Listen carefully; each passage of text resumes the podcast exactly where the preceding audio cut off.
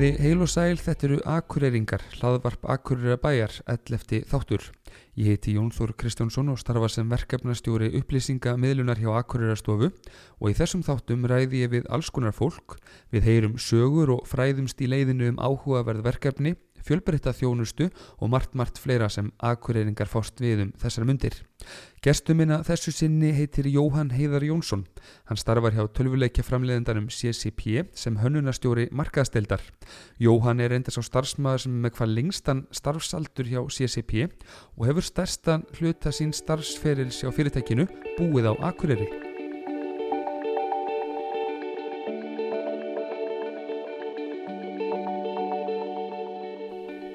Velkomin Jóhann, Takk fyrir.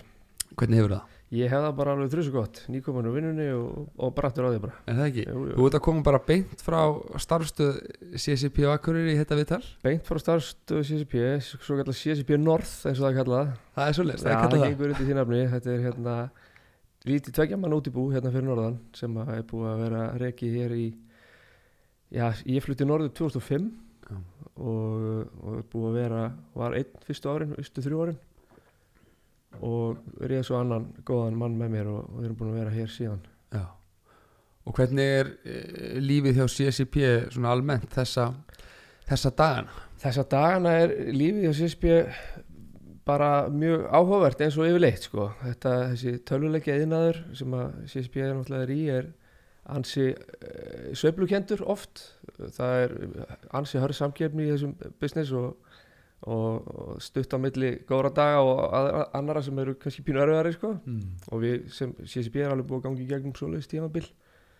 Uh, en, en þessi tíma sem er kannski er í gangi núna þetta COVID-dæmi er svolítið sérstætt af því að það er nú ekki á hverju ári að- sem að þjóðarleitt var heims uh, hvetja fólk til að sitja heima og spila tölvuleiki sko. þannig að við erum alveg búin að finna það að það er heilmikið aukning í, í tölvuleikja spilun sko. Já.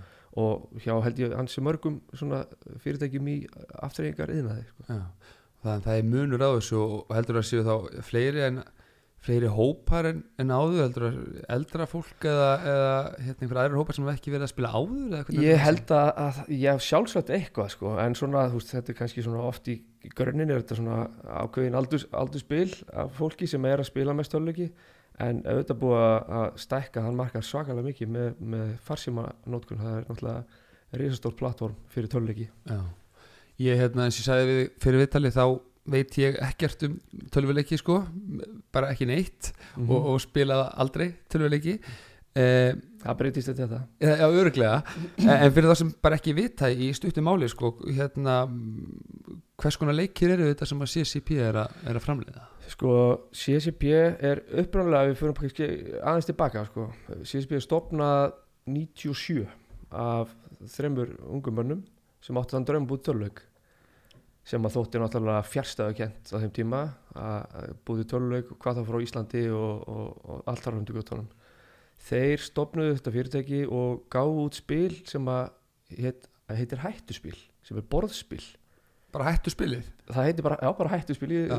sem að margir hafa spilað Já. og, og aldrei usla og upplaust í mörgum fjölskyldum í jólabúðum. Og hérna þeir, þetta var þeirra hugmynd í rauninni bara til að, búa til peninga og, og hérna sapna kapital til að- starta töluleikja fyrirtæki þetta, þetta borðspil gekk gríðarlega vel seldist uppi bara í tíðust eintökum eða eitthvað og gengur kaupum og sölum held ég ennþá og bara skal bralla og eitthvað. Já, og uh, þannig að það, það var basically svona grunnurinn að þessu. Þannig að CSP er stopnað þannig að 2000 eh, nei hérna 97 segi, heitir þá Loki Markmiljun svo breytist nafni í CSP 90, árið 99 og þá er svona komin bara skýrstefna þetta er planið, þú veist, nú á að gera töluleik hann á að gerast í geimnum. Þú ert að stýra þínu gameskipi þú ert að geta að spila við aðra spilara þannig að þú ert ekki að reyna að spila við tölvu þú ert alltaf að eiga við annað fólk. Mm. og svo bara hefst þróun og, og, og vinsla á þessu leik svona einhverju viti kannski kringum 2000 myndi ég segja. Mm. og uh, leikurinn kemur út 2003 og heitir EVE Online. Þannig að þessi leikur er henni búin að vera í bara fullum gangi í 17 ár. Alltaf sami leikur alltaf sami leikurinn en þetta er raunin upp þannig að það er alltaf verið að þróa leikin þannig að þeir sem eru að spila hann eru alltaf að fá eitthvað nýtt Mm. þannig að það eru gefn, gefnar út svona viðbætur Mm. á stundum til þessar ári eins og var einu sinni í stundum nú eru að gera þetta kannski svona mun oftar Mm. kannski fjóru sem ári svona, þannig að er, leikurinn er basically í stöður þróun sko. Mm. og þetta er býstna stórt fyrirtæki og alþjóðlegt Hva, hvað eru margir sem vinna hjá CCP svona um það bil? núna sko þegar ég byrjaði SCP sem var 99 þá nýskriðin út úr myndliskólanum Akureyri, eða er henni ennþá í myndliskólanum ég var ekki útskrifaður, ég var á, var á öðru ári og hérna þá voru sex starfsmenn og við unnum upp á eh, upp á Klapstík, vorum þar með eina hæð upp í Rísi á, á, á einhverju sem er nú hótel í dag held ég og hérna vorum sex þar og síðan á tíanbili voru 600 manns CSB Já. og núna ætti sé ekki svona kringum 300 manns Já. það eru, ef ég maður rétt svona kringum 240 í Reykjavík það eru sé ekki 20 í Shanghai þar sem maður skrifstofa og um 30 manns í London og tveir á Akureyri. Og tveir sem því náttúrulega aða ekki. skrifstofan sko. það er aðskust það er aða skrifstofan en hvernig kom það til að, að þú fórst að að vinna hjá CCP á þessum tíma? Er þetta langt síðan? Hérna, hvers vegna, Já. hvernig kom það til? Algjörlega, þetta var raunni svona eins og kannski stundum bara í lífinu bara einhverjar tiljölanir og, og hérna hvernig þetta gerist allt saman. Ég kláraði mennskólan og var með einhver plönum að, að fara og læra optikar í, í hérna var búin að finna þar einhvern skóla í Nóri og, og sótti þar um bjart Mm. en komst ekki inn í skólan þannig að þá hugsaði mér ok, ég hérna ætla bara að fara að vinna þess núna og, og fór að vinna í, í hérna Petromyndum hér á Akureyri Mm. hjá þeim heiðu sjónum Friðrik og, og, og Dúnu sem þar voru með Riðuríkjum og Þóralli sem að nú er með þar og hérna þar svona fór maður að koma staðins í kynni við tölvuvinnslu, vinslu á ljósmyndum uppsetningu á auglýsingum og svona alls svona dóti sko Mhm. og fann strax að mér að þetta áhugavert og hérna ég er svo sem gegnum tíðina bara mikið verið að, að teikna og svona eitthvað að leika mér þannig bara fyrir að ég var krekki en, en þarna svona fann ég að þetta er ég að þessu og ákvaða að sækja mér í myndlaskólan Mhm. og sótti bara um þar og, og hóf þar bara nám í fornámi eins og allir gera og, og fór svo í græskuhönnun og fyrir einhverja hefni eða eitthvað þá kemur sem sagt einn af þeim uh, strákum sem stopnaði CSP kemur hann að kenna. Mm. og, og kennir hann einhver Photoshop áfanga í tvær vikur. Og þá er ég öðru ári í runni þá þegar ég er í skólan og, og uh, það bara einhvern veginn þróast þannig að, að það var náttúrulega fyrirtæki bara lítið, veist, einhverjir örfáði strákar í Reykjavík að að basically að, að vinna alls konar verkefni uh, til þess að sapna peningum til þess að fara að gera tölvuleik. Og þeir kynna þetta, herðu, okkur vantar grafíkar hérna, langar ekki bara að koma suður og, og, og prófa að vinna þar og, og við ætlum að fara að gera tölvuleik og ég var bara, já, já þetta er geggjað maður. Klárið það. Klárið það sko, ekki spurning. Og hérna öllum alltaf fannst þetta bara rugl sko, þú veist, bara hvað er það hvað er í gangi, held að við geta þessi hægt að gera tölvuleik frá Íslandi, ég er ekki leiði með ykkur sko. En svo bara einhvern veginn þróaðist þetta, við vorum að vinna alls konar verkefni fyrir, unnum mikið fyrir Magnús Skeving og Latabæ Mm. þegar hann var að koma með sitt konsept. Uh, unnum mikið fyrir búnaðabankan sem þá var og bara svona alls konar svona verkefni til þess að fá inn kapital til þess að geta farið að ráða svo inn forritara og, og slíkt þannig að startið að þessu var í rauninni sko bara grafíkar er að búa til grafík Já. fyrir fyrirtækjum í bæði til þess að fá inn penning sko. en það hefur vantarlega verið uh, tekið svolítið tíma að, eins og þú segir sko, þetta hefur verið náttúrulega áhættan náttúrulega eins og alltaf í svona í frumkvöla og nýsköpur og sko. starfsemi uh, en varst alveg að fá sko semmilega borgað og var þetta allt svona frekar örugt hjá þér var, þetta var fjarið því sko. Þetta var náttúrulega uh, svona, hefur maður hugsaður um þetta tilbaka þetta var náttúrulega ævintilega skemmtilegu tími sko. Við vorum hérna bara reynda til að byrja með bara held ég strákar. Þetta var nú svona mest ungir, ungir menn á þessu tíma. Uh, og var unnið náttúrulega bara ótrúlega mikið, við unnum gríðarlega mikið sko, á þessu tíma og, og það, það bara þótti fínt sko. Já. Menn bara pöntuðu pizzu, svá oft í vinnunni og sofanum eða gólfinu eða eitthvað og hérna það var bara eins og ég, ævintilega skemmtlegu tími og, og svo náttúrulega þegar svona sérstaklega fór að, hérna, hlutni fór að þróast áfram og, og það kom inn forritara sem fór að geta búið til eitthvað úr allir þessu, allir þessu grafík og þessu, þessu arti sem var til sko. Já. þá svona fór maður að sjá, ó, ok, þetta er, þetta er sén sko. Já. en svo náttúrulega í, gegnum þetta, þú veist, það kom tímabila sem við fengum ekki greitt laun og maður þurfti að fá lán og til að geta keitt í matinu og svona. Já. Já, þetta var skemmtilega tími sko. En alveg stundum erfiður sko. Einmitt. Uh, Ég var svona aðeins að reyna að hérna, undirbú mig náttúrulega fyrir þetta viðtal og, og, og ég var svona aðeins að reyna að googla þig og það er nú ekki mikið til, Örgulega, ég er ekki mikið til þig þar.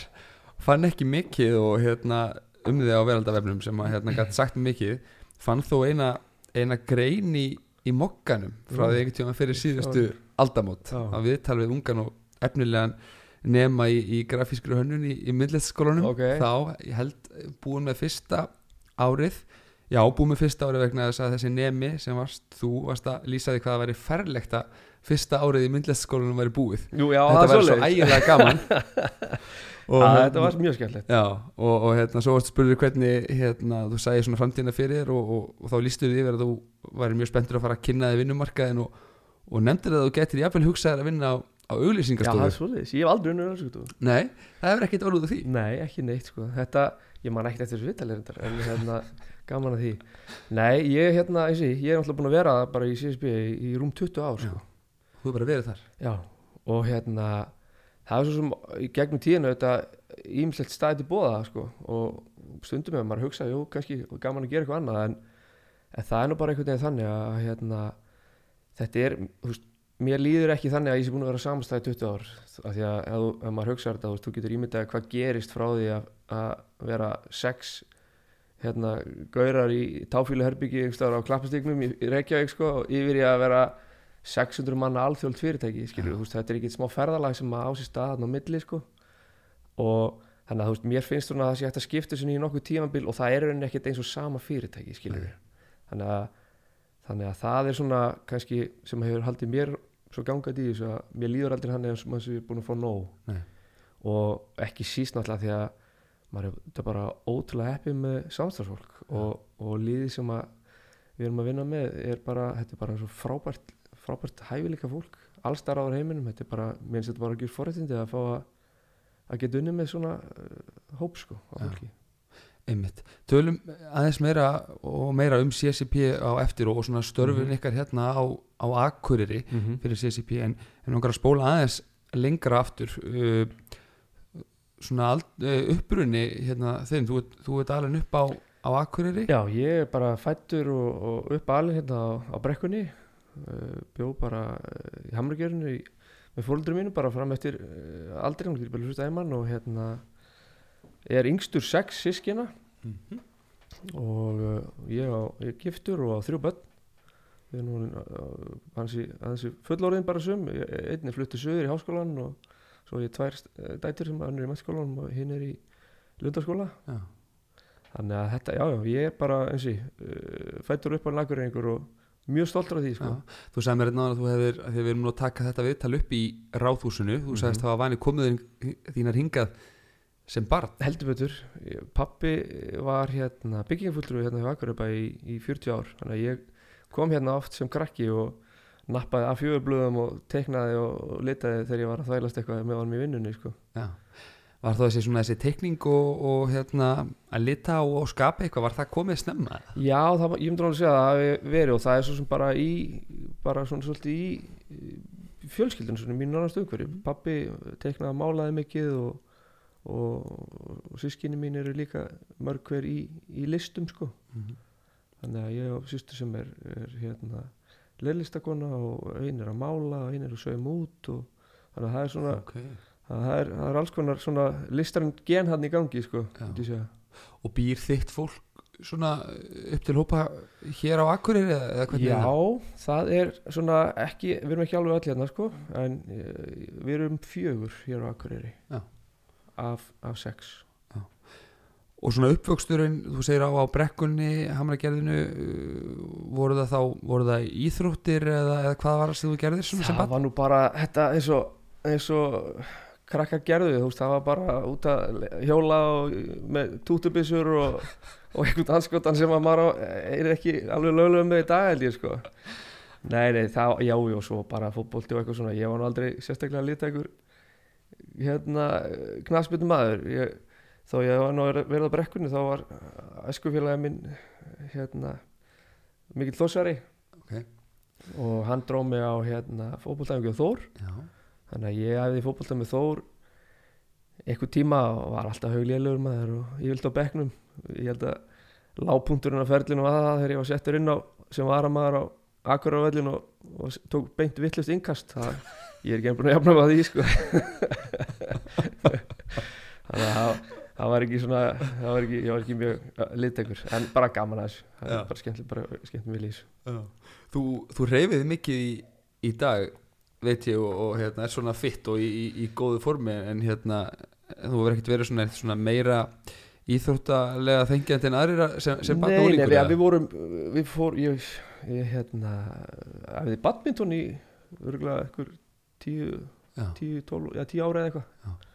Að þá kæfti heilmikið í því með, með esku félagunum mínum og hérna bara mjög skemmtilegt. En svo svona með setna árum bara hefur maður eiginlega alltaf meira og meira gána að gera eitthvað, prófa eitthvað nýtt sko. byrjaði að djöblast á hérna endur og mótarhjólum núna fyrir ykkur fjórum árum. Það Já. er ótrúlega skemmtilegt endur og mótorhjólum. Nú er, nú er Já, það, það var það bara svona eh, það var maður reynir bara upp á fjöllum og gera á slóðum og, og ég er ekki, ekki í stökkum og, og ykkur svoleiðis brjálaði. Ég, ég er og gammalið held ég sko. en hérna við erum búin að fara nokkara svona stóra ferðir fórum hotn í hotn til dæmis fyrir þremur árum. Fórum frá Langunis út á Reykjanes. Alveg 30 ára hólandi, tóku fjóra dagi það. Það var var Er það ekki? bara alveg frábært. Bara eitt af því skemmtilega sem maður hefur gert í þessu sko. Voruð þið þá nokkur saman eða? fórum sex saman já. Já, og lendi bara í alls konar æfintýrum þar og eins og, eins og við erum búist. Já, og hérna bara mjög skemmtilegt. Og náttúrulega fyrir mig svona óvanan krefjandi og en ég var með góða menn hann með mér sem að gáttu lóð saman í gegnum þegar maður var að fara að drekka sér í einhverjum á upp á, ám upp á hálendi sko Þetta er nú ekki alveg fyrir hvert sem er sko. Þetta var bara skemmtilegt og hérna er, maður finnur það svona að það er, það er gaman að hérna stíga aðeins út fyrir uh, bóksið og prófa eitthvað nýtt. En þú var nú hérna, lifað og herst í þessum tölvuleikja gera síðustu já, 20 árin eða, Mhm. eða svo. Hérna sem barn og úlingur varst eitthvað í tölvuleikjum þá? Já, já, maður var eitthvað með eitthvað gamla Amstrad og eitthvað svona og, leik sér eitthvað í svoleiðis. Eins og, heit ég, hann bara ansi margi verið með á þeim tíma, sko, þegar tölvuna voru bara basically að koma, sko, Já, og hérna þannig að já, já, maður var eitthvað í því, en svona þó að, þó að maður sé að vinna í þessum geira, sko, ég spila ekki mikið tölvuleiki, sko, í dag. Ég myndi segja að það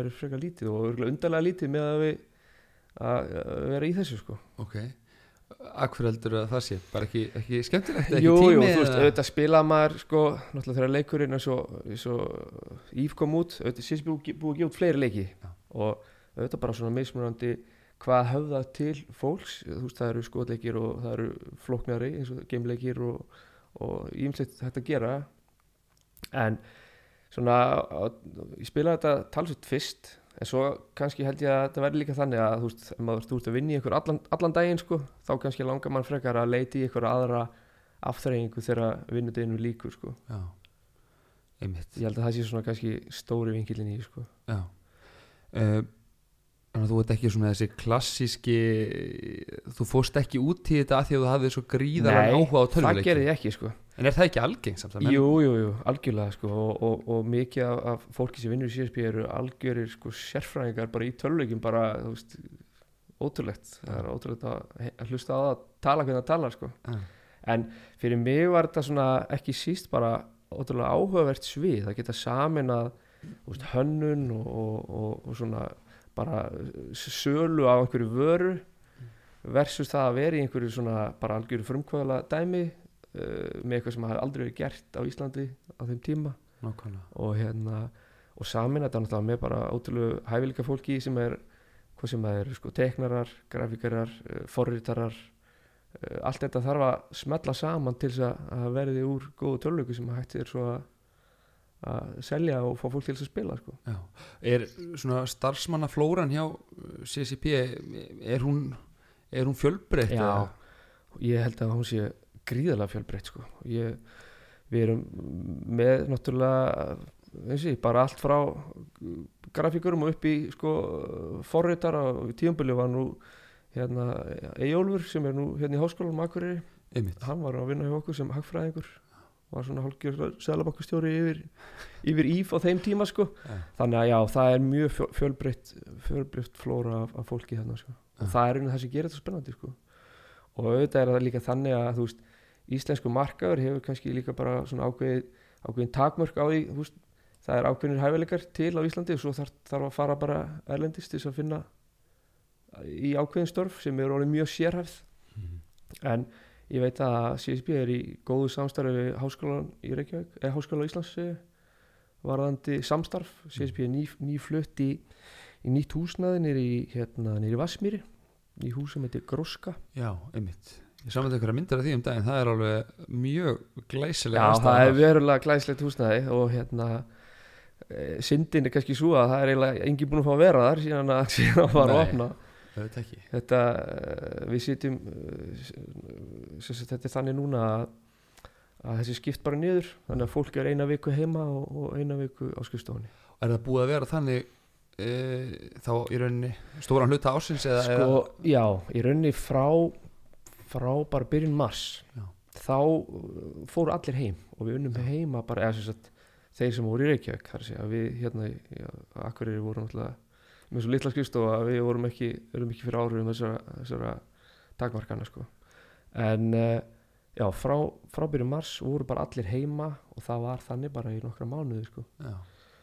Og það er auðvitað svolítið áhugavert að sjá hvað svona það gerir fólki það er, það er mjög mismunandi maður sá það mjög skýrt á þessu tíma ég er, sérst, er að stýra teimi sem að eru hvað átta, átta í átta aðlar, grafíkarar og, og textahundur og, og hérna og svo vídeoframlendur eða vídeoprodúsar. Og meðan að sömur sko bara sem að þetta gegja sko. Æðislegt að vera heima maður og geta bara verið á náttúrdónum í allan daginn og eitthvað. Á meðan að sko hini voru bara svona extrovertarnir voru bara að missa viti sko eftir mánuð sko. Bara gáttu ekki hugsa sér að vera lengur heima urðu bara að komast eitthvað út hitta fólk, drekka kaffi með einhverjum spjalla þannig að þú veist þó að þó við séum að vinna í þessum geira það sem allt er í tölvunni og allt svona þú veist þá þetta sér maður bara hvað mannlegu samskiptin eru gríðarlega mikilvægur partur af þessu Já. og það er kannski líka það sem gerir eins og hennar leik Íf sem að eh, svona, svona flagskip CSB áhugaverðana því að þar ertu að díla við fólk sko. þar ertu ekki bara að eiga við einhverja gerfugreind einhverstaðar sko. þú ert að eiga samskipt við fólk þú ert að stundum ert að, hérna, svíkja fólk stundum ert að vinna með fólki skilur, og, og allt sem að því fylgir sko. Þetta er mjög áhverð sem nefnir með hérna hversu misjaflega fólk tók þessum breytingum maður heyrið Mhm. þetta mjög mikið það Mhm. sömum finnst sko þessi hérna heimavinna og, og náttúrulega stóraukni fjárfundir og þetta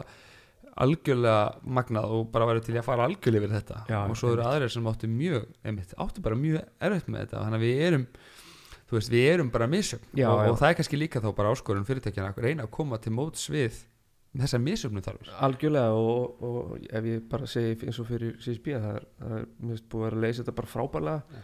Núna er raunni, það var bara strax og þetta fór í, í ganga til mars og svona fólk kannski svona sá svolítið fyrir að þetta er ekki búið á sko, einu mánuði. Þá var bara strax farið í það að, að græja tvöfalt setup fyrir alla. Þannig að allir sem að, að vilja fá í rauninni bara geta fengið stól, skrifborð og, al, og alveg eins tölvuður eru með á skrifstofunni heim til sín. Mm. þannig að þú ert í rauninni bara með tvö setup, eitt heima hjá þér og eitt á skrifstofunni. Og pælingin er í rauninni svo að svona þegar framlega stundir og kannski við sjáum hvernig þetta þróast allt að, að fólk geti þessu bara svolítið valið sko. Veist, viltu vinna heima í dag í viku, alltaf. Viltu vinna tóta, þú veist það fyrir bara svolítið eftir í hvað þú ert að gera og, og hvernig svona er hvernig, hvernig, hvernig svona þinn manager horfur á hlutina með þér sko. Já, það er hrikalega vel gert. Það er bara frábært sko og, og bara svona þessi sveigjanleiki er, er ótrúlega mikilvægur og, og maður svona hefur bara fundið það að, að mér fannst svona CSP koma gríðarlega vel. Undibúið inn í þetta sko, það var búið að vinna þessu vinnu mjög vel og, og, og allir svona, það var reynd að leysa þessu vel og hægt var fyrir alla sko. Þú ert, þú nefndir að þú værir svona hérna, stjórnaðir eða værir yfir eh, teimi Já. hvað er svona hver er starfstitillin og hvað er svona þín helstu verkefni í sko, já, núna er raunni heitir þetta uh, sko marketing creative director heitir þetta sko, þetta er náttúrulega maður er alltaf að sletta einhverju hérna því að uh, í, CSB er bara þú, þú talar ennsku sko, þú átt að tala ennsku þegar þú ert á skrifstofunni og ert að tala við, uh, í tölvubústum það er alltaf að vera ennsku af því að hérna, auðvitað við erum mikið af, af hérna, útlendingum sem vinna hjá okkur og bara svona til þess að reyna að láta fólki líða eins og sé ekki alltaf utanakomandi og, og þá er reynd að tala ennsku á skrifstofunni og hægt er. Auðvitað gleymist það stundum þegar eru tveir ísildingar yfir kaffvílinni eitthvað þannig sko en það er reynd að, að- fylgja þessu þannig að bara svona fólk útlendingarnir sem koma til okkar að vinna húst, aðlægist fyrir og, og svona. Og gerir þetta, þú sagði það var tveir hérna Já, ekki, ég, og- ég og, og félagi minn hér Þormóður, við, við tölum ekki ennsku ekki á, ekki á tveggja manna íslenski skrifstofu, sko, það er, það er ekki svolítið, sko, en allir tölupóstur og allt svolítið, sko, þannig þannig að allir, allir svona frasar og allt lingu er bara mjög ennsku slegið, þannig að ég var verið eftir að segja einhver, fullt af einhverjum ennskum orðum. en sem sagt, hönnunustjóri í markastildi er svona íslenski tilinu á þessu, þetta þetta í rauninni bara svona hægt og rólega í þetta, ég er svona kannski eins og nefndur á það með Google leitin ég er svona, mér líður bara vel baku tjöldin sko. ég hef alltaf verið svona frekar þar sko. og hérna og þegar ég byrjaði í CSP bara sem græskur hönnur og svona hægt og rólega yfir í það að ég byrjaði að tekna gameskip þetta var svolítið þannig í gamla daga sko, að hérna, þú mættir í vinnuna og þú bara þurftir bara að leysa það mál sem að koma upp sko. af því að þá voru ekkert sko, 100 manns að vinna þarna þetta var bara þetta var bara nokkra hræður og, og ef þú þurfti að gera eitthvað þá þurfti bara að gera það sko. og ég man alltaf daginn ég mætti í vinnuna, ég náttúrulega lærði grafíska hönnun og þar lærði ég ekki þrývítar hönnun, það er náttúrulega bara sér Já, og hérna þá segir hérna, eitt stofnandi við mig "Heyrðu, hérna, okkur vantar uh, eitt til þess að, gera eitt reysi í leiknum eitt, eitt kynþáttina í leiknum það þarf búið, búið til mótil fyrir alltaf reys Já. og hérna er ekki til í þetta og ég bara byrju, ég hef aldrei gert þrývít sko ja, það er alltaf leið, þú lærir þetta strax þannig að það þróast bara ég var svona eitt og hálft ári að búa til gameskip og teikna textjúra á það og svo framvegis og koma því inn í leikin sko. Já. þannig að svona, svona svolítið var þetta og, og, og hérna ég var oft, oft hleyjaði sko, afarni mínu voru báði smiðir og ég hefði svona ekki það hefði svona, svona komið að maður svo orð ef að maður hefði sagt um að barnabarni að vera gameskipasmiður sko. Fljóta, fljóta breyta sko. Þannig að vera stoltir af því Já, sennilega sko En hérna, já, síðan svona hægt og rólega þegar leikurinn var komin út þá þurfti að fara auðvitað bara að marka setja hann og selja hann, húst þetta selur sig ekki sjálf sko Þannig. Og hérna, þá fór ég svona meira að vi- vinna í þeim málum. Bara fara í að gera auglýsingar og svona vinna með þá bara tvekja manna markastild sem var í, á þeim tíma, það var bara markastjóri og, og ég sko. Og við fórum svona svolítið að vinna með með hérna uh, amerískum auglýsingastofum á þeim tíma. Svona í kringu 2005, 6 og 7 og við svona fundum fljótt að við vorum ekki alltaf að fá það út úr því sem að kannski við vorum að leita að og við vorum ekki alltaf að fá heldur kannski nægilega mikið með að við reikningarna sem við vorum að borga því að þetta var gríðarlega dýr vinna sko Mm. og hérna og þá svona fórum við að hugsa þetta og, og, og fórstjórn á þeim tíma og við spjöldum saman og þá kom upp bara svo hugmynd heyrðu þau ekki bara að búa til okkar eigin dild, bara innanhúsdild svona innanhús auglýsingastofu. Mm. þá var ég reynda að flutta norður. Ég flytt norður hann 2000 og- eða lokast 2004 og hérna jú, bara, við vorum bara saman á það er eitthvað hugmynd og mér líst bara vel á það og ég bara ákvað að taka það bara að mér. Þannig að þá er einu svona að byrja þetta. Byrjaði að ráða einn, annan grafíker og svo uh, hérna, bara svona hægt og róla fjölgar, fjölgar grafískum hönnu svo saminu við þetta með með videoteimi, nú erum við með þá þrjá aðra sem eru bara búið til vídeo, trailera og, og videoölsingar og svona hægt og rólega erum við rauninni bara búin að byggja þetta upp í okkar eigin svona auglýsingastofu innan fyrirtækisins sko. og markmiðið þá, og það sem þið gerir þá vantarlega að búa til efni Já. sem er notað í markasetningu og Akkúrat, kynningu á Akkúrat, eitthvað vörum. Já, það er rauninni svona grunninn. En við erum í rauninni svo bara partur af sko, það sem við kalla publishing deild innan CSP og þar erum við með eh, mjög öflugt og flott brand, branding teimi mm -hmm. sem að eh, er þá í rauninni þau stýra svona þú veist, hvað eru að fara að gera hvert eru að fara að selja, selja sölusíkar og koma þá með beinir til okkar um að búa til hitt og þetta sko. Já.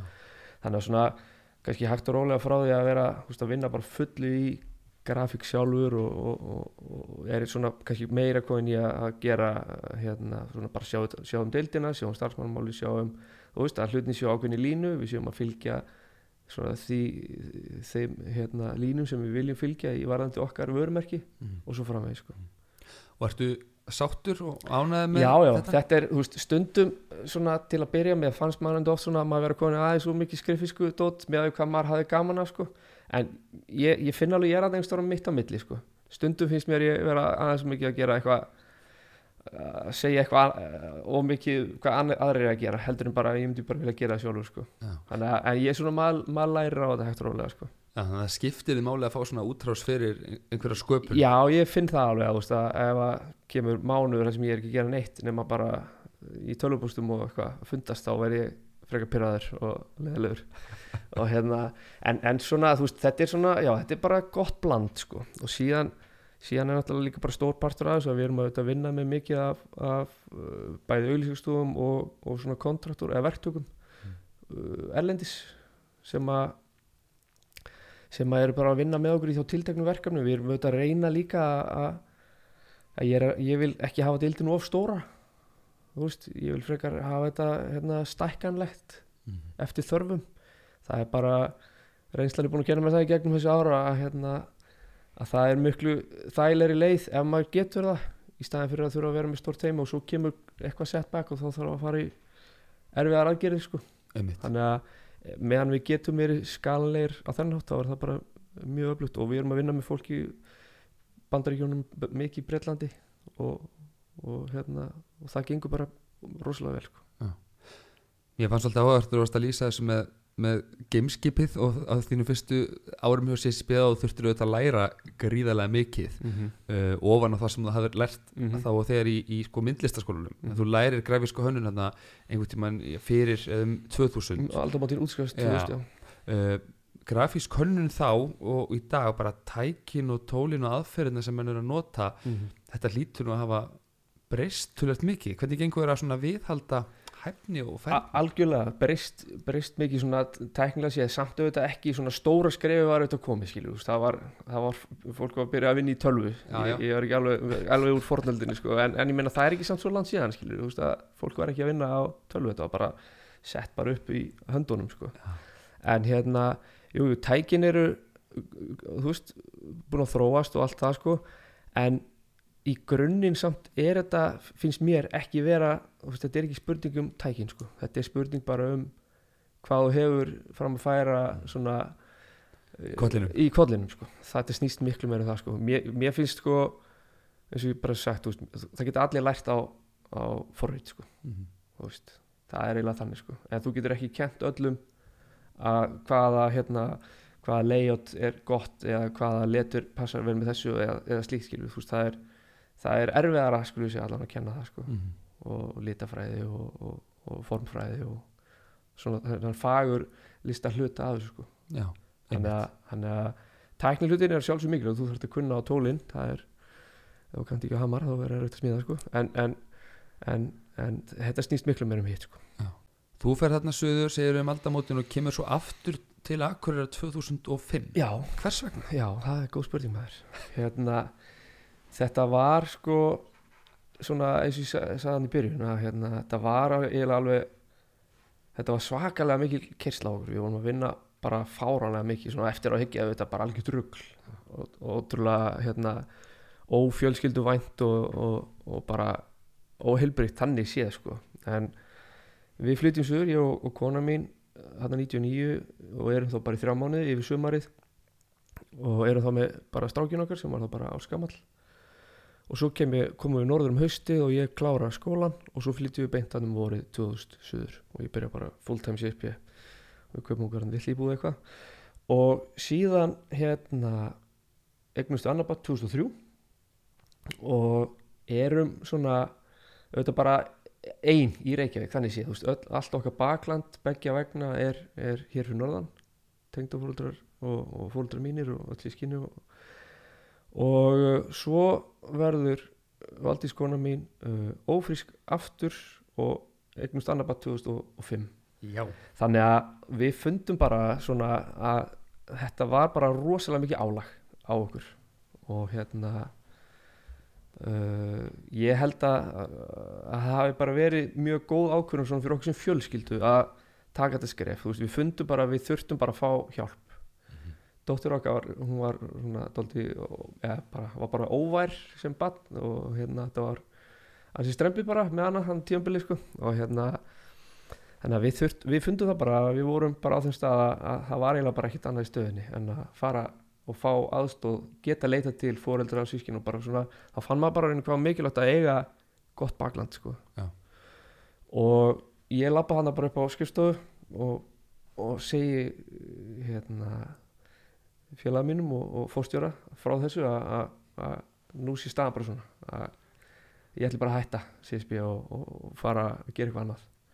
Staðan að þú veist það er svo sem kvartla ekki að mér að það væri möguleiki að fara í fjárvinu ég menna 2000, þannig 2004 2005 það voru ekki margir í fjárvinu sem ég veit um allavega sko. og hérna hann og hann segir bara að mér líst ekki nógulega á þetta og hérna við erum að skoða þetta eitthvað. Og ég segi já já við getum alveg að skoða eitthvað. En, en ég er ekki allavega að fara að vera hér lengur. Við erum að fara norður og það er bara eina í stöðinu fyrir okkar fjölskyldu sko. og hérna og þá kemur bara upp í sjömyndu ertu til að prófa fjárvinu ef að prófa það? Og ég var bara hvað, ertu hvað gerður Fjárvina. hvað klikkaður en jújú, jú, við skulum bara prófa það. Ég veit ekki hvað það er en, en við skulum sjá hvort það gengur ekki. Og hérna og við bara setjum þetta í gang húst, ég bara útbý eitt herbyggi heima fyrir litla skrifstofu og, og hérna við byrjum bara að vinna svona í, í remotely sko, þá þetta, var ég bara einn skilur í, ég var bara ég var basically markastild hérna, grafíkdild markasdildar CSB á þeim tíma. Þannig að þetta var rauninni ekkert flókið samstarf með mörgum. Þetta var bara einhver einn aðli sem að tala við og hann sagði það er að gera þetta og, og bara gerum við það í sammenningu Mm. þannig að ég vann heima í ykkur tvö ár bara á náttutónum út í þrjá daga og hérna svona eftir á bara að fatta maður bara hvað það var ótrúlega óheilbrygt sko. Að þú veist maður var einhvern veginn uh, auðvitað fyrir að fyrsta alltaf aðgengilegur og á þessu tíma var bara staðan þannig að veist það var alltaf rosalega mikið að gera við vorum hérna að reyna að koma leiknum að út um allan heim og reyna að selja þetta þannig að veist það var hvað sem að klukka var tíu á mótni eða tíu á kvöldi veist þá var maður, það vissi allir, heyrðu hann alltaf, hann er heima, honum Engin leið að greina milli nei, sko, nei, nei, þannig að þetta var einkalífs. sósa sko. þannig að hérna já, eftir, eftir svona tvö ára þá bara uh, fann ég bara, heyrðu, þetta er ekki hægt sko. Hvernig fannst fjölskylduðinni þetta? Þetta lífsmynstur? þetta var þú veist, þetta hendaði alveg vel á þeim tíma skilur fyrir að að verandi með þú veist, tvö lítil börn og, og hérna, þannig að þetta hendaði rauninni ágætlega sko. en svona kannski fyrir mig var þetta ekki sérstaklega gott sko, þú veist að vera með börnin e, lítil og stundum grátandi og, og eitthvað fyrir utan herbyggi og vera reyna að einbytta sér einhverju þannig að hérna já, eftir tvö ár ég held að það eftir eitt skiptið veist, þá, þá var ég bókstælega ekki búin að fara úr húsi í nokkra daga sko. þá bara heyrði þetta er, þetta er ekki gott sko. nú bara, nú þarf ég að drífa mig sko. og fór þá og hérna byrjaði að leia bara litla skrifstofu hérna nýri bæ og svo var þar ég eitthvað árið eitthvað og, og svo bara fórum við okkar eigi húsnaði hérna við erum að leia sagt við erum búin að vera að leia hjá gemstofunni núna alveg í bara 12 ár sko. Já, það er svo langu tími Já Byrjaði að lega hjá þe- hjá þeim 2008 þegar móði samstagsfélag minn kom hérna og flutti frá Svíþjóð. Ég stal honum frá Svíþjóð og bauð honum vinnu Vel hérna. og hérna og já, við erum búin að vera þar bara í og svo erum við bara búin, búin að elda, elda geimstofuna. Þetta er gott kompani topp félagskapur og gaman. En er eitthvað samstæðan með eða er þetta bara svona félagslegu? Sko ekki, ekki samstæðan að því leiti að ég fæ geimstofuna sem til þess að vinna verkefni fyrir Já. Þegar, þannig uh, er staðan er þannig sko Já. við erum við erum eins og ég eins og ég sagði áðan bara erum, húst, keirum bara á svona eins litlu teima við getum og erum frekar að reyna að átsósa þeim verkefni sem hægt er sum verkefni eru þannig að, að það er ekki hægt að átsósa þeim af því að þau eru bara að krefjast ákveðins hérna, eh, skilnings á því sem við erum búin að vera að gera en önnu verkefni eru bara meira svona straight forward grafíkverkefni sem allir góðu grafíkar geta gert sko. Þannig að þetta er svona skemmtilegt og, og, og skapandi umhverfi sem þið vinnið í þetta með eh, gemstof frábært sko, frábært, alveg topp top mannskapur það sko. Þessi 15 ár sem þú er búin að vera hérna á Akureyri Mhm. og vinna fyrir CCP hefur orðið hérna hafa verið margar hindranir á, á leiðinni, hefur þetta verið e, krefjandi að vera ekki með svona já, megin þorra starfsfólksins? Mm, þetta er mjög góð spurning. Sko já, já, ég held að maður geti alveg sagt að það hafa alveg verið hindranir skilur hindranir hafa kannski oftast leið í því að, að hérna í, í þessu starfi sem ég er þá er sem sagt yfirmaður þeirra þeirra deilda sem að þessar publishing deilda sem ég er með er heitir Chief Marketing Officer Mm. og á tímabili var ráðið eh, það var svona frekar örskipti af, af, af hérna, CMOs eins og kallað í, í, í það starf sko. og oftar en ekki voru ráðnir var ráðið fólk ellendis frá sem kom þá inn og skildi ekki alveg þetta setup sko. það skildi ekki að, hérna, að hönnustjóri markstildar byggi einhvers staðar hérna, norður í landi og restin af teiminu væri í Reykjavík og það bara, það, það fattaði ekki. Það fattaði ekki að þetta gæti gengið og þetta væri kannski bara gott setup sko. Einmitt. og fannst, og þannig að það kom alveg já, já, það hafa alveg komið sérstaklega í eitt skipti. Þá var í rauninni bara þá voru bara orður að herru, nú bara loku við hér sko. Og sem betur fyrir þá hérna var nú gott að eiga frábæran uh, fórstjóra Hilmar Vegar sem að ég hef búin að vinna með öll þessi ár. Og hann, hann hérna var setti bara fótinn og segi bara nei, þetta er ekki að fara að gerast veist. þannig að sem betur fyrir var skilningur og hann alltaf átti að sjá því að þetta var það var ekkert vandamál á ferðinni skilju það var verið að reyna að leysa vandamál sem var ekkert í stað sko. Þetta var meira bara svona að þegar, þegar kemur inn nýr aðili sem er kannski vanur að flytjast milli heimsála eða fyrir sín störf sko, þá fannst það ekki meikar sens að væri tökja manna skrifstofa á Akureyri þegar Reykjavík er 380 km fjarlæð skiljur Akkurat, En- en, bara búið í Reykjavík eins og, eins og Já, aðrir. eins og aðri sko. En, en það er alveg á hreinu að eftir það sem er búið að gerast hérna á þessu ári, 2020 að þetta er allt gjörbreytt sko. Og ég uh, var mjög hissa að ég þarf einhvern tíðan að taka þennan slag aftur sko. S- eh, skilningur á þessu svona þessari hvað kalla þetta, fjárvinnu eða, eða vinna á, öðrum stað en kannski höfustöðar Mm. hann hefur aukist á þessu ári, mjög mikið. Heldur betur sko. Og ég meina þegar, þegar þetta COVID dæmi allt fór í gang þá náttúrulega er skrifstofan okkur í Kína hún byrjar alveg sjálfsagt, einum og hálfum eða tveimum mánuðum á undan okkur að þeir loka bara. Mm. þeir loka bara skrifstofunni og allir eru settir í að vinna heima. Það gekk ótrúlega vel þannig að, að CSP fekk auðvitað greiðlega góða reynslu þaðan til að taka inn í það umhverfi sem var svo í Reykjavík og í London setna mér sko. Og það sama með skrifstofun í London. Hún er búin að vera loku lengi og á að fara held ég að opna einhverju, einhverju hluta í haust. En mér svona heyrist allavega að það verði þannig mjög víða að, fyrirkomulega er bara breytt. Fólk finnur bara fyrir að fyrsta að þetta hendar ótrúlega vel. Mm.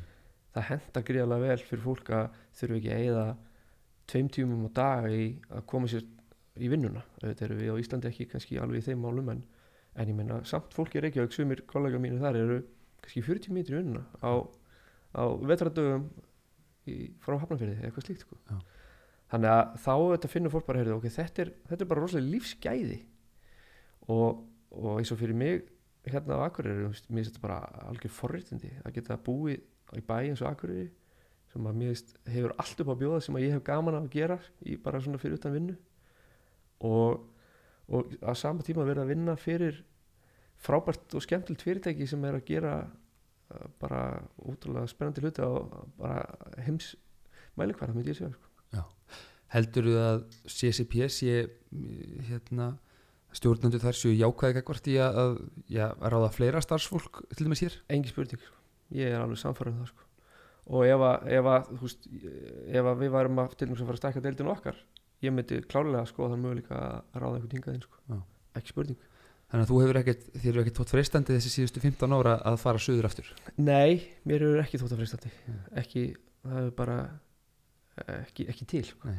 en, auðvitað er þetta bara alltaf þannig að, að veist, þar sem maður er í hvert skipti auðvitað bara lætum maður sér líða vel maður bara byggir sitt hérna, næri umhverju þá upp þannig að mann líði vel en, en ef, að, ef að þetta eru bara tveir valmöðleikar og ég fengi að ráða þá myndi ég alltaf velja að búa hér fyrir norðan því að eins og sé, hér hefur maður einhvern veginn bara allt á allt og allt til alls og, og svona bara þú veist, hvað sem er fjallið hérna til að fara á, á skíði eða bretti og, eða fjallið hérna hinum til að fara á móturjóli eða inn í kjarnaskói í strandblak eða bara nefndu það, skilur, fara að veiða eða nefndu það, þetta er allt hérna þetta er eiginlega bara alveg fárlegt það er maður að segja segja félögum sínum sem búa, eru útlendingar og búa einhverstar kannski Los Angeles einhverstar og segja bara, já ég er hérna, tímitur að fara bretti og svo er ég hérna fimm mínútur ef ég ætla að fara upp í heiði á hjóli eða eitthvað sílir þeir bara, ha, það er auðvitað þetta sko. Þannig að þetta er ótrúlega luxus og maður kannski gleymir því líka bara út hvað þetta er ótrúlega mikill bara, forrættindi að búa í svona bæ sko. Akkurat, það er líka einhvern veginn sko að því að vegarlengdirnar eru þetta stuttar, mm -hmm. það er einhvern veginn það er mér líður alltaf þannig að ég er nú búið annar staðar bæði Reykjavík og Erlendis mér er svona einhvern veginn dagurinn bara hann er einhvern veginn lengri já, það er, ég er tekundi það sko. það er einhvern veginn, maður hefur meiri það er ekki bara að það sé stutt að fara í, í hérna, fjallið eða stutt að fara hérna, hjóla eða eitthvað mm. það er bara líka, það er bara meiri tími já, ég er bara svo sammálaður sko. þannig, að, þannig að meðan að þetta er svona og, og, og allir sáttir þá bara vil ég ekki fara neitt sko. Akkurat, ég vil frekar sjá CSB North stækka heldur en hitt sko. er það ekki? jú, jú. Já, og, og, og kannski tækifæri í því ég mitt núna, eins og við erum búin að tala um þessi svona breytti hugsunarháttu sem hefur orðið til vegna COVID að kannski leiði til þess að fleiri eh, stofnanir og fyrirtæki sjá sér hægi því að hafa svona útverði hér norður í landi algjörlega sko, já og það, ég veit sko að það eru fleiri en maður heldur sem að eru í fjárvinnu sko Já. frá fyrirtækja, sérstaklega frá ekki sko. en fyrir það sem að skilja þetta nú kannski einhverjum sem hugsa ég, bara, ég skil ekki ennþá hvernig hann lætur þetta ganga, Mhm. auðvitað náttúrulega notið teknina mikið og svona, mm en eru þið með einhverja svona aðferðir sem þið hefur lært og beitt til þess að hérna, þú sért hluti af hópnum og, og, og þetta séu góð samskipti á milli landslutana sko, þetta er náttúrulega í grunninn er þetta bara að snýst þetta langmestur þetta bara um samtal sko. Og, og svona innan, innan míns teimis úst, við tölum saman bara náttúrulega oft á dag og þetta er náttúrulega allt videofundir sko. En auðvitað var ég eh, meira á svona flakki til Reykjavíkur auðvitað fyrir COVID sko. En ég var samt, þetta var alveg búið að detta niður. Þetta var á tímabili kannski tvis og þrísverju mánuði en húst, þetta var samt bara komin kannski einu sinni í mánuði. Það þurfti ekkert meira. Og þetta er raunin bara orðið þannig húst, að, að við hérna fyrir norðans, ég og, og kollegi minn Mó- móði, við sækjum þetta bara svona alla þessu íventa, það er fullt um að vera í Reykjavík sem að snúa að svona bara að þjappa hópum saman svona uh, teimis viðburðir og svona skemmti viðburðir sko við sækjum þetta allt sko. Já. CSB fer í ársótiðaferð eitthvað út á átjámána fresti veist, við förum þetta sjálfsögðu allt svoleiðis og sækjum, þú veist, jólalaborð og allt þetta dót. við förum bara og, og hittum félagan og vinnina þar og, og ná svona rætt þetta þannig en, en partur að þessu þetta er líka sá að að hérna, sem að svona, ég vil meina að þessi partur að þetta gengur vel eins og í okkar teimi er að, að þú veist, að maður eh, maður þekkir alltaf þessi einstakleika mjög vel þú veist, búin að ráða þá inn suma fyrir þú veist, 12-13 árum, suma fyrir 5 árum. Þannig að þú veist, þetta er fólk sem er búin að þekkja alveg frá því að það steig fyrst inn í fyrirtæki skilur Akkurat. Og en svo, eins og sé, svo er þetta bara bara rosalega mikilvægt bara tala, tala við fólk og bara, þú veist, ekki bara um vinnuna líka heldur bara, þú veist, hvernig hvernig bara daglegt líf er og hvernig fjölskyldan hefur það og hvernig, þú veist, bara hvað er í gangi skilur þannig að, þú veist, mér finnst það svona að vera svona, svolítið svona uník partur af CSB að það er svona, það er svona, svona fjölskyldu uh, vænt andrúsloftar, sko tölum aðeins með það, fjölskyldaðin mm. uh, segðu mig frá, frá já, konunniðinni og, og hérna, hvað hva gerir hún? Hún, konum minn heitir Valdís Rutt Jósafsdóttir og er textilkennari í, í Naustaskóla. Já, búin að vera þar bara frá opnum skólans hartnær tíu ár held ég. Og uh, síðan á ég hérna son, eða við, eigum son sem heitir Fannar, hann er í er að uh, læra yðnaverkfræði í háskólanum Reykjavík. Og svo á ég er mið dóttur okkar, hún er Emilia, hún er á öðru ári í, í mennskólan og svo, svo yngsta er 15 ára og er í tíundabekk í Lundaskóla, nú Rosenborg Já. og er og hérna, og þetta er svona þetta er minn hópur sko Þetta er hópur. já, þetta er, þitt nánasta krú já, þetta er mitt, mitt nánasta krú sko og hérna bara uh, eins og alla fjölskyldur í alls konar stússi sko Þú, hérna, með það sem þú búin að nefna núna þá, hérna, gefið mér að þú hafi mikið áhuga á útivist og, og reyfingu Mm, og, já. og svoleiðis, eru þið fjölskyldan mikið saman í því? Við erum, það er svona mismunandi, við, við konan höfum gaman að, þú veist, hvað sem er að fara bara hjóla eða út að labba eða hún er líka í, í hérna, strandblaki sem að ég hef hrigilega gaman að sko. Hún er búin að lýsa miklum áhuga ég að byrja í golfi, ég var nú í því líka sinni, þannig að maður þarf að fara kannski að dusta ekki á kilónum en hérna, já já, síðan alltaf vorum við bara með krakkanum mikið í fjallinu á gönguskíðum og, og, og brettum og ég ákvað að fara að læra bretti fyrir fjórum-fimm árum. Snjóbretti? snjóbretti. Aðalega til þess að, hérna, vera með stelpunum þegar þær voru að byrja að læra. Svo náttúrulega voru þær alltaf betri en ég bara eftir þrjú skiptið eða eitthvað. Ég var allur marinn og blár í marga vikur en það, já já þannig að við, erum, við reynum að gera eitthvað saman. En svo náttúrulega þetta breytist þetta þegar við erum fara að flytja heimann og, og hérna það er ekki sami kannski tíminn. Og bara meira gera eitthvað saman heima og elda góða mat og, og svo leið sko. Akkurat En, en svona þessi, þú nú maður sem vinnur eins og margir aðrir við, við tölvu svona mest megnis Mhm. hvað þýðingu hefur það fyrir því að hafa góðan aðgang að eh, svona hreyfingu og það er bara, bara gríðarlega mikilvægt sko. maður bara finnur það uh, alla, ja, ég finn það allavega mér að bara, ég bara verða að komast til reyningu sko. Því að fyrir ekkit svo morgum árum eða ég veit ekki hvað eru 7-8 ár, þú veist, þá var maður ég var ekki dölur að hreyfa mig þá og var bara allar hún í klessu, baki ónýtt og vann að, þú veist, á gólfinu var að lága gólfinu í, þú veist, þrjár vikur með laptop hérna til að geta unni, sko, geti ekki hreift mig, sko. Nei. Þannig að þá bara hugsa ég, þetta er alveg gott sko. nú bara tek ég mig takki og, og fyrir að gera eitthvað sko. Já, og það er bara, ég sé, nú er þetta bara partur af daglir rútínu og ég hérna er að fer nýja, nýja stöðinni hérna nýr frá. Alveg Einmitt. frábær, frábær staðar og, og það er bara eitt góð félagskapur og við erum hérna nokkrir uh, strákar sem förum hérna og þetta er bara hrikalega gaman. Og ég sé, þetta verður bara partur af á rútínunni, við för, reynum stundum að fara í hádeginu. Það er eiginlega bara, það er að besta sem hættir sko, brjótu vinnudaginn. Brjóta vindaginn, mæta átta fara í hádeginu og klára daginn og maður er bara búinn. Það er bara þetta er bara, þetta er besta sem ég get gert sko.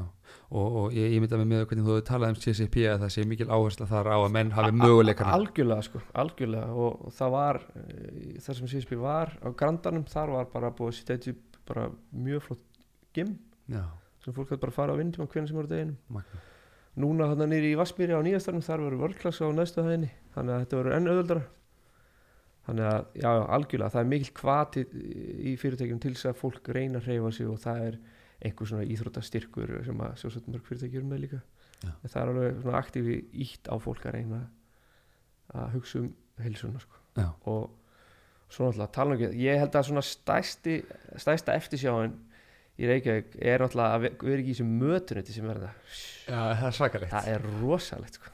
ég, ef það er eitthvað sem ég væri til að taka yngar norðu þá var það sko. það er svakalegt sko. Þú ert alltaf heppið með það, það er alltaf að þóra okkur mikið af hérna, veitingastöðum og svona sem ættir að já, fara heldur hérna. betur, heldur En, betur. en hérna, maður hefur hýrt af þessu mötunetti á CCP er ekki bara, það er bara þryggja rétt að það miklu er fleiri bara meira en það veistla sko. Það- þetta er rosalegt ég, þetta fer eitthvað misvel í fólk sko. ég var eitt góðu drengur sem að byrja að- vinna hjá okkur í dildinni og það kannski má ekki segja frá þessu en uh, eftir fyrsta ári var hann búin að þingast 12 kíló Nei það, hann kendi bara mötuneytur um það sko. Ég vil nú ekki meina það það er nú kannski líka eitthvað samsning af matnum en, en hérna já, það er hansi góð mötur Já. Það er alltaf ágætt fyrst að það er svona gott mötunetti að sé svona mikil áherslu líka á Akkurat, hreyfinguna sko. akkurat, sko. Magnað, heyrðu, þú hérna rétt í lokin, þú sagði mér að þú værir hérna, sá starfsmöður CCP sem væri með hvað lengstan starfsaldur, það er ekki Já, rétt? það er eiginlega alveg stórundlegt fyrst mér, sko. en það er svo leis Já. Og, og búin að vera mestan, stærstan hluta hér á Akureyri. Já, Uh, hvernig sérðu framtíðin ætlar að bæta við, já, öðrum 20 árum á CCP eða ertu með einhver plön?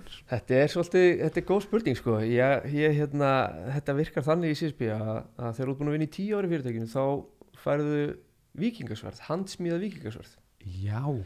þannig að ég er með eitt svoleiðis búið vekk og hérna og svo vandast málið þegar maður er búin að vera í 20 ár það, það, það kom fyrst skipt upp í fyrra þegar ég náði því sko Já. Og uh, þá var mér færð uh, glæsileg ítalsk tvíleipa haglabissa þannig að hérna ég veit ekki hva, hvernig hvað framtíð byrju skutt sér varandi það. Hva, hvort að ég fæ skjöld eða hjálm eða eitthvað eða skotild vesti í þrjá- 30 ef ég þrauka það sko. Ég veit ekki. Ég, meðan að maður hefur gaman að þessu og hérna og, og bara eh, nýtur það sem maður, er að gera þá á maður bara að halda áfram held ég sko. Mm. ég er alveg búin að sjá það í gegnum tíðina að hérna vatni sko það, að grasi er ekki alltaf græna hinn með við leikinn sko Nákvæmlega. Ég á marga kollega sem hafa farið þá leið og, og margi komið aftur sko. En að sjálfsögur gott að prófa að breyta til og, og allir, ég stið það algjörlega sko. en, en eins og ég með ég er ánaður og, og hef gaman að þessu þá, heldur maður áfram Það eru frábær lokaord Jóhann Heiðar Jónsson, gangiði vel í þínu verkefnum Takk sem leiðis og takk fyrir spjallið.